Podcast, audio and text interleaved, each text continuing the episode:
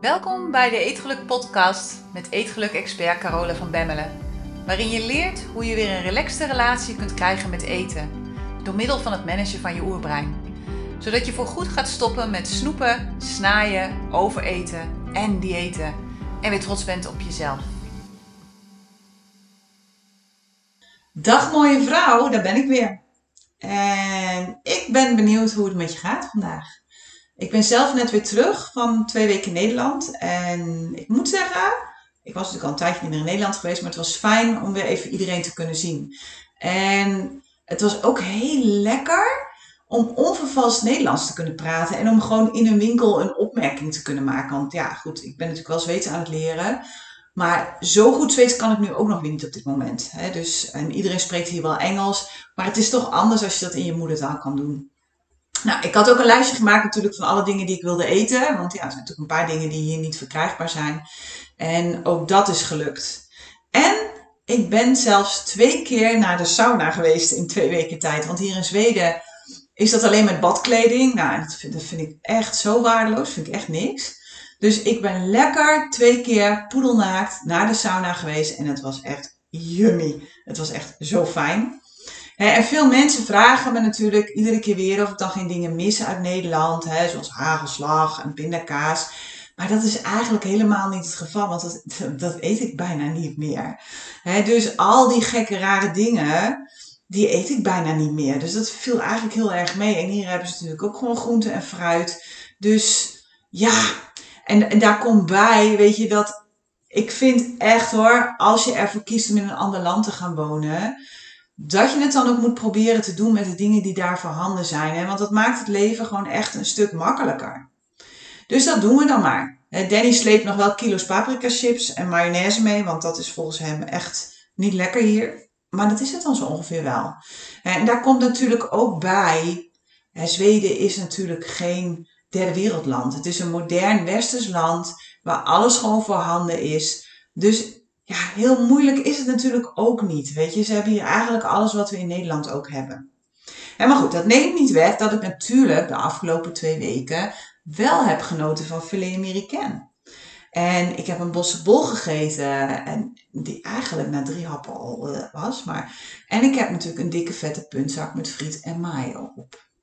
En echt, weet je, wat zo grappig is, bij alle drie de dingen had ik halverwege eigenlijk wel genoeg. In mijn hoofd was het allemaal veel lekkerder dan het echte.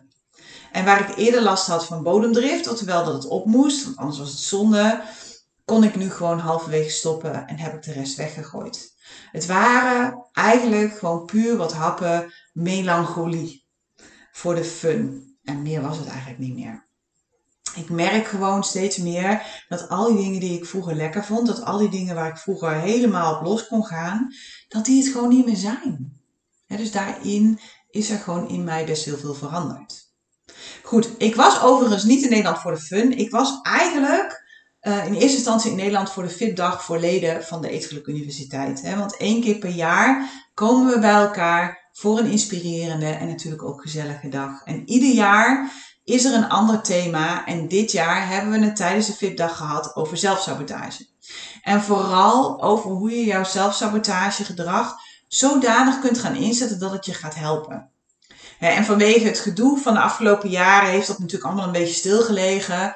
Maar in april was het dan eindelijk zover, toen konden we weer. En ik merk hoe fijn het was om al die vrouwen weer in real life te ontmoeten. Ik wil online is natuurlijk super makkelijk, hè, want je kunt de lessen volgen wanneer je wilt. Je kunt vanuit je huis, het, het scheelt je gewoon ontzettend veel tijd. Je kunt dingen terugkijken.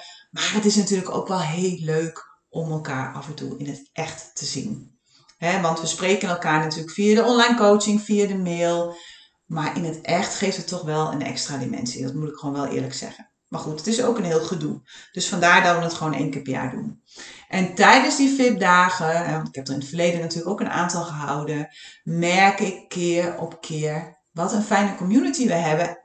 En dat die community ontzettend aan het groeien is. Want we zijn met steeds meer vrouwen op zo'n dag. Ik begon geloof ik met 10 en deze keer waren we al met 50 vrouwen.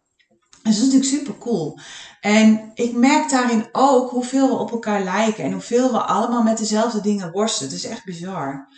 En daarbij is zo'n VIP-dag natuurlijk ook gelijk een prachtige kans om al die andere vrouwen uit de community te leren kennen. Om gelijkgestemde vrouwen te ontmoeten die ook bezig zijn met persoonlijke ontwikkeling en met zelfleiderschap en met breinmanagement. Om vrouwen te ontmoeten met, ja, zo kan ik gerust wel zeggen, een andere kijk op de wereld en op het leven. om vrouwen te ontmoeten die um, zichzelf weer centraal zetten. En vanuit daar hun leven creëren.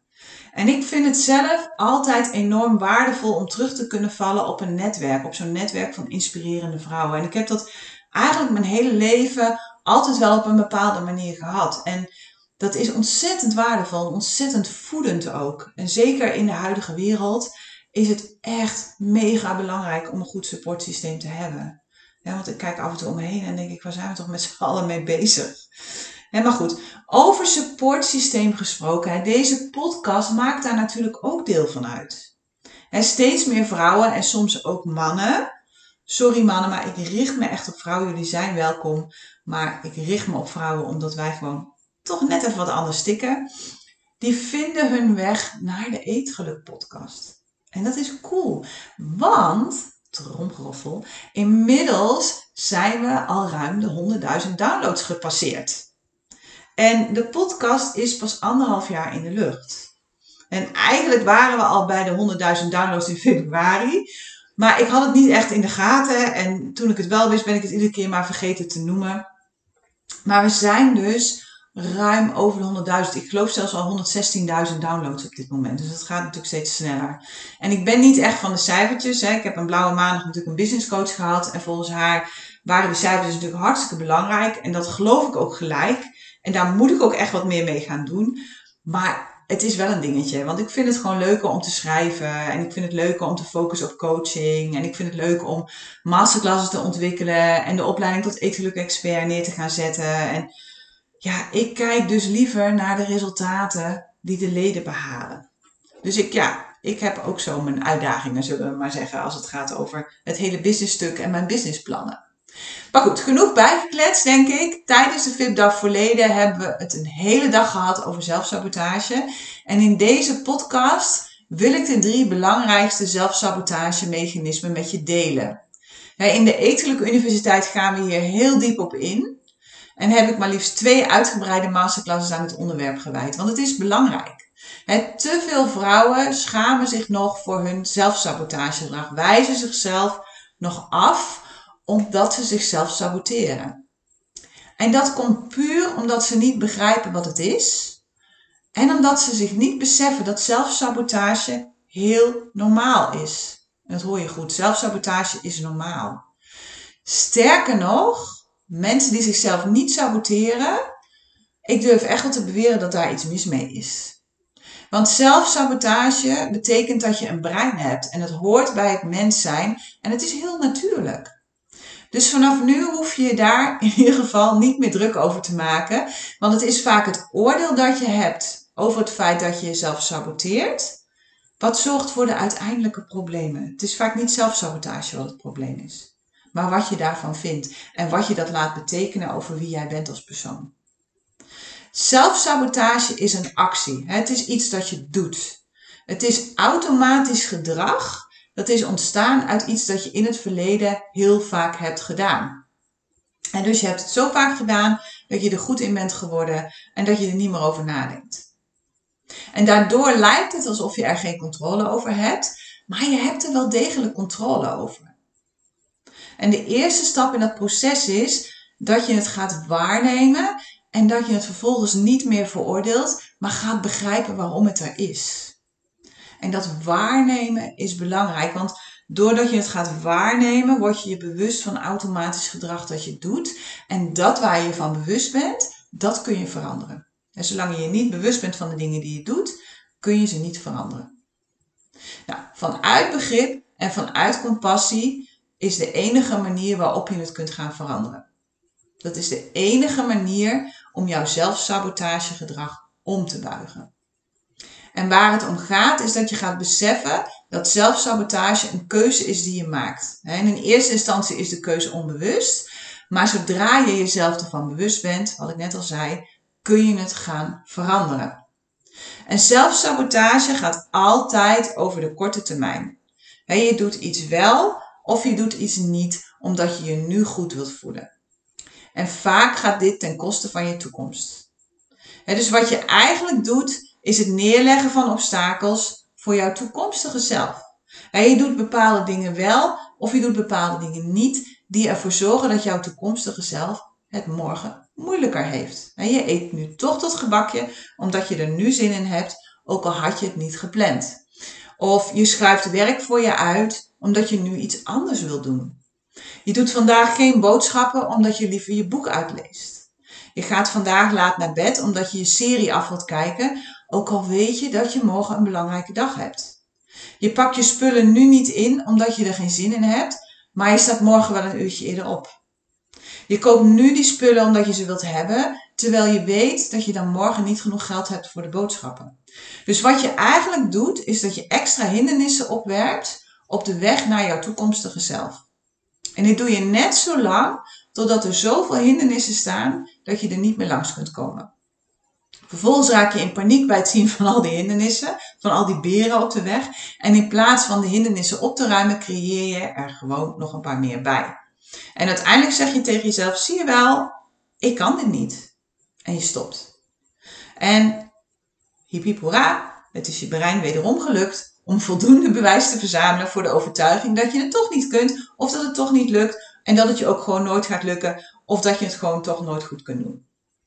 Nou, er zijn drie belangrijke manieren waarop je jezelf kunt saboteren. En die drie manieren zijn perfectionisme, haast en stoppen. perfectionisme zorgt ervoor dat je vaak niet eens begint. Dat ken je misschien wel. Eerst moet alles namelijk perfect worden voorbereid. Of nu is het niet het juiste moment. Of je moet eerst exact weten wat je moet doen en hoe je het moet doen. Of je wil de hoed en de rand weten voordat je begint. Of je wilt heel zeker weten dat je het goed doet en dat je het juiste doet op het juiste moment. Of je plant je dag zo perfect, zo perfect, dat het onmogelijk is om je aan je planning te houden. Of je zegt tegen jezelf, ja nee, ik loop hartstikke achter hoor. Ik loop hartstikke achter. Waardoor je het gevoel hebt dat je faalt en uiteindelijk stopt. Maar wat ook kan, is dat je zo bang bent om te falen, dat je uiteindelijk maar gewoon niet, niet begint. Omdat je denkt dat je het niet goed genoeg kunt doen omdat je er nu niet voldoende tijd in kunt steken. Omdat je eerst nog meer moet leren. En dus perfectionisme is het perfecte zelfsabotagemechanisme. Het is het allerbeste zelfsabotagemechanisme wat er bestaat. Want wat perfectionisme doet, is dat het ervoor, ja, het zorgt er eigenlijk voor dat je denkt dat je heel goed bezig bent. want je vertelt aan jezelf dat je heel druk bezig bent om alles goed voor te bereiden, zodat de kans van slagen vele malen groter is. Maar je blijft hangen in de voorbereidingen. Je komt niet tot uitvoering. En daarom leidt perfectionisme altijd tot uitstelgedrag. Omdat je bang bent dat je faalt als je het verkeerd doet. En het gevolg daarvan is dat je jezelf gaat verdoven of dat je jezelf gaat afleiden onder het mom dat je je aan het voorbereiden bent. Ja, ik ben ermee bezig hoor. Maar ik heb nog niks gedaan. Maar ik ben er wel mee bezig. Want iets voorbereiden is iets heel anders als iets doen. En geloof me, je haalt alleen maar resultaten als je iets doet. Niet als je iets voorbereidt. Je kunt een maaltijd voorbereiden, maar als je hem niet kookt, komt hij niet op tafel. Echt. Dan kun je alleen de voorbereidingen eten, maar je kunt nooit een maaltijd eten. dus het wordt juist perfect door te falen. Iedere keer dat je faalt, leer je namelijk hoe het niet werkt. dus of je leert of je wint. En des te meer je leert, des te meer je wint. Perfectionisme is daarom niet de weg naar blijvende resultaten. Het is de snelste weg naar frustratie en opgeven. Dus dat is saboteur 1. Perfectionisme. Kijk voor jezelf ook gewoon eens waar je dat doet. En in welke kleine dingen je dat doet en wat het je brengt. Of wat het je niet brengt. Saboteur nummer twee is haast. En haast zie ik heel veel gebeuren ook bij nieuwe leden van de Eetgeluk Universiteit. vrouwen worden lid en ze willen even snel een resultaat. Want ze hebben nu een probleem, dat moet snel opgelost worden. En uh, ja, zeg maar maar hoe ik dat moet doen, corona. Maar haast wordt altijd geboren vanuit een schaarste mindset. Vanuit niet het vertrouwen hebben in jezelf of in het leven dat de dingen lopen zoals ze moeten lopen. Dat sommige dingen rijpingstijd nodig hebben. Haast komt altijd vanuit vechten met dat wat er nu is. Vanuit ontevreden zijn met dat wat er nu is. Vanuit de buitenwereld de schuld geven van hoe je je voelt. Maar weet dit, je bent exact waar je moet zijn op dit moment. Want als je ergens anders had moeten zijn, dan was je daar wel geweest, maar dat ben je niet. En dus waar je nu bent, de persoon die je nu bent, dat is wie je nu moet zijn. En dat is de optelsom van al jouw huidige gedachten en al jouw gedrag uit het verleden. je denkt dat de dingen om je heen ervoor verantwoordelijk zijn voor hoe je je voelt. En daarom wil je ze zo snel mogelijk veranderen. Daardoor krijg je haast. Want je denkt als je die dingen verandert, dat je je dan beter voelt. En als je je nu niet goed voelt, dan wil je je zo snel mogelijk beter voelen. Dus je hebt haast om die dingen te veranderen. En je wilt snel afvallen omdat je denkt dat je je dan beter voelt. Je wilt snel rijk worden omdat je denkt dat je je dan beter voelt. Je wilt nu die nieuwe kleren omdat je denkt dat je je dan beter voelt. En dat is misschien zo op de korte termijn, maar zeker niet op de lange termijn. Want hoe je je nu voelt, wordt niet bepaald door de situatie of door de resultaten die je behaalt. Want hoe je je nu voelt, wordt bepaald door wat je denkt op dit moment over de situatie. Jouw gewicht is niet de schuld van het feit dat je nu niet lekker in je vel zit. Dat zijn je gedachten over je gewicht. En het punt is dat wanneer je haast hebt, dat je zo snel mogelijk een resultaat wilt zien. Want je, je denkt dat je gewicht de schuld is, dus je gewicht moet naar beneden, want dan voel je je beter. En dat moet zo snel mogelijk. En wat daardoor gebeurt is dat je je focust op het resultaat in plaats van op het proces dat nodig is om het resultaat te bereiken. dus je focust op de kilo's in plaats van het worden van de nieuwe persoon die nodig is om een nieuw gewicht te kunnen dragen. En je zult een andere persoon moeten worden dan je nu bent om een ander resultaat te creëren dan je nu creëert. jouw gedachten creëren je gevoelens, jouw gevoelens creëren je acties en je acties creëren je resultaat. Dus je zult andere gedachten moeten denken, andere gevoelens moeten ervaren om andere acties te doen en andere resultaten te creëren. En wanneer je een 2.0 versie van jezelf wilt worden, betekent dit dus dat je anders zult moeten gaan denken, anders zult moeten gaan voelen en anders zult moeten gaan doen. Het is hetzelfde als met een computerprogramma. De 1.0 versie heeft andere features dan de 2.0 versie of de 10.0 versie. Haast zorgt er ook voor dat je geen focus hebt. omdat je zo snel mogelijk resultaat wilt, zul je van de ene snelle belofte naar de andere springen als je merkt dat iets niet snel genoeg gaat. Je zult steeds opnieuw gevangen raken door de belofte van iets nieuws. Het is heel belonend, hè? Nieuwe dingen uh, hebben op de een of andere manier een magie uh, die mensen aantrekt. Denk aan het nieuwe jaar, denk aan het starten in een nieuw notebook. En maar wat je daardoor doet, is dat je jezelf niet de kans geeft om ergens echt goed in te worden. Dus in plaats van te verdiepen en te ontdekken hoe je het proces dat je volgt kunt verbeteren, wat werkte wel, wat werkte niet, hoe kan ik de dingen nog beter doen? En vervolgens, als je het hele recept hebt, gas gaan geven. Maar in plaats daarvan ben je bezig met het onderzoeken van de nieuwe Magic Bullet. Met als gevolg dat je misschien wel honderd boeken in de kast hebt staan over allerlei eetpatronen. En dat je tientallen programma's hebt gevolgd om een gezond gewicht te bereiken om maar even wat te zeggen. En dat al die programma's allemaal andere regels hebben en een andere manier van aanpak. En dat al die regels zorgen voor enorme verwarring in je brein. Waardoor je uiteindelijk niet meer weet wat je moet doen. En waardoor je of stopt of maar weer aan iets nieuws begint. En geloof me, zo kom je nooit waar je wilt zijn. Je hebt haast, je wilt snel, maar uiteindelijk blijf je waar je bent. En dat is waar voeding en diëten uiteindelijk een lifestyle wordt. Waar jouw identiteit wordt dat je iemand bent die altijd bezig is met voeding en afvallen en gezondheid. In plaats van met leven. onthoud dit alsjeblieft. Meesterschap ontstaat niet door het iedere keer doen van iets nieuws.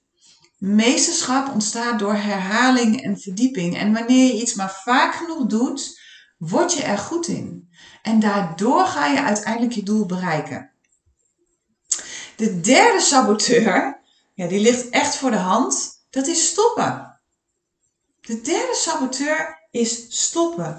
Veel mensen stoppen al voordat ze zijn begonnen. bijvoorbeeld doordat ze geen doelen hebben. Of doordat ze denken dat ze het niet kunnen. Of doordat ze bang zijn dat het weer gaat mislukken. Of omdat ze haast hebben of het perfect willen doen. Of in de war zijn omdat ze niet weten hoe ze het moeten doen. Werkelijk, ik ontvang zo vaak mails van vrouwen die niet meer durven te beginnen. Die me dan mailen, ja, de Eetgeluk Universiteit, ik, oh, het lijkt me geweldig, maar ik durf het niet meer. Ik, ik weet niet of dit nu wel gaat helpen. En wat je dan eigenlijk doet, is dat je jezelf op voorhand al opgeeft. Dat je het vertrouwen in jezelf opzegt. Dat je denkt dat het toch niet gaat lukken en daarom begin je er maar niet meer aan. Waardoor je dus opnieuw een ervaring voor jezelf hebt gecreëerd waarin het niet is gelukt. Niet omdat je het niet hebt geprobeerd, maar, maar omdat je er gewoon maar niet aan bent begonnen. Dus je bent eigenlijk al, voordat het is begonnen, is het al mislukt. En het enige verschil dat er is tussen iemand die zijn doel bereikt en iemand die niet zijn doel bereikt, is één keertje vaker opstaan dan je valt. Eén keertje. Meer niet. Moet je je voorstellen, als ieder kind na drie keer vallen zou denken, nou weet je, dat lopen, ik weet het niet hoor. Ik, uh, nee, is niet mijn ding. Dat gaat hem niet worden. Dat, uh, nee, dat is echt niks voor mij. Hoe zou de wereld er dan nu uitzien? Dan zouden we dus allemaal kruipend door de wereld gaan. Maar weet dat ieder kind gemiddeld 10.000 keer valt voordat het echt goed kan lopen. 10.000 keer. Dus hoe zou jouw leven eruit zien als je 10.000 keer opnieuw opstaat? Als je niet stopt en in plaats daarvan leert van iedere keer dat je valt. Als je begint met een bepaald programma voor je voeding, voor je gezondheid, voor je leven. En als je daarin steeds beter zou worden. Als je iedere keer opnieuw, als het even niet lukt, gaat kijken van oké, hey, wat is hier nou gebeurd? Hoe kan ik dat anders doen? Wat werkt wel, wat werkt niet? En op die manier gaat bijstellen, keer op keer op keer op keer. Als je iedere keer opnieuw gaat testen, want dat is eigenlijk wat je doet. En als je iedere keer opnieuw opstaat en steeds beter wordt in wat je doet. Hoe zou je leven er dan uitzien? dus weet één ding, zelfsabotage. Er is nog veel en veel meer over te zeggen, maar zelfsabotage is helemaal oké. Het is alleen maar een teken dat je op de goede weg bent en dat je steeds verder verwijderd raakt van je oude, van je huidige identiteit en steeds dichter in de buurt komt van je nieuwe identiteit. En dat is eng voor je oerbrein. En daarom gaat het op een gegeven ogenblik op de rem en probeert het met alle macht terug te sturen. Maar wanneer je weet hoe je jouw zelfsabotagegedrag voor je kunt laten werken, is er niets aan de hand. Want je gaat het dan herkennen en je gaat het dan gebruiken om gas te geven in de richting van je doelen. En exact dat is wat ik je leer in de Eetgeluk Universiteit. Hoe je jouw zelfsabotagegedrag voor je kunt laten werken. Hoe je ervoor kan zorgen dat jouw zelfsabotagegedrag uh, je juist gaat helpen om sneller je doel te bereiken. Goed, dat was hem voor deze keer. Ik ga zo lekker naar buiten, denk ik. Het zonnetje schijnt, de bomen zijn groen. Het is hier 21 graden. Dus het is hartstikke lekker en uh, ik ga nog eens eventjes een beetje zon scheppen. Ik wens je een hele fijne week en wij spreken elkaar volgende week weer. Tot dan. Hey, als je het fijn vond om naar deze podcast te luisteren, dan heb ik een heel gaaf cadeau voor je. Ik heb namelijk vijf breinhacks voor je op een rijtje gezet, waarmee je direct meer controle krijgt over jouw eetgedrag. Iedere breinhack geeft je uitleg over één van de meest voorkomende eetgedragproblemen, plus een oefening hoe je dat kunt veranderen. Je kunt deze breinhacks gratis downloaden op degelukkigeeter.nl, zodat je vandaag nog kunt beginnen met het creëren van een relaxte relatie met eten.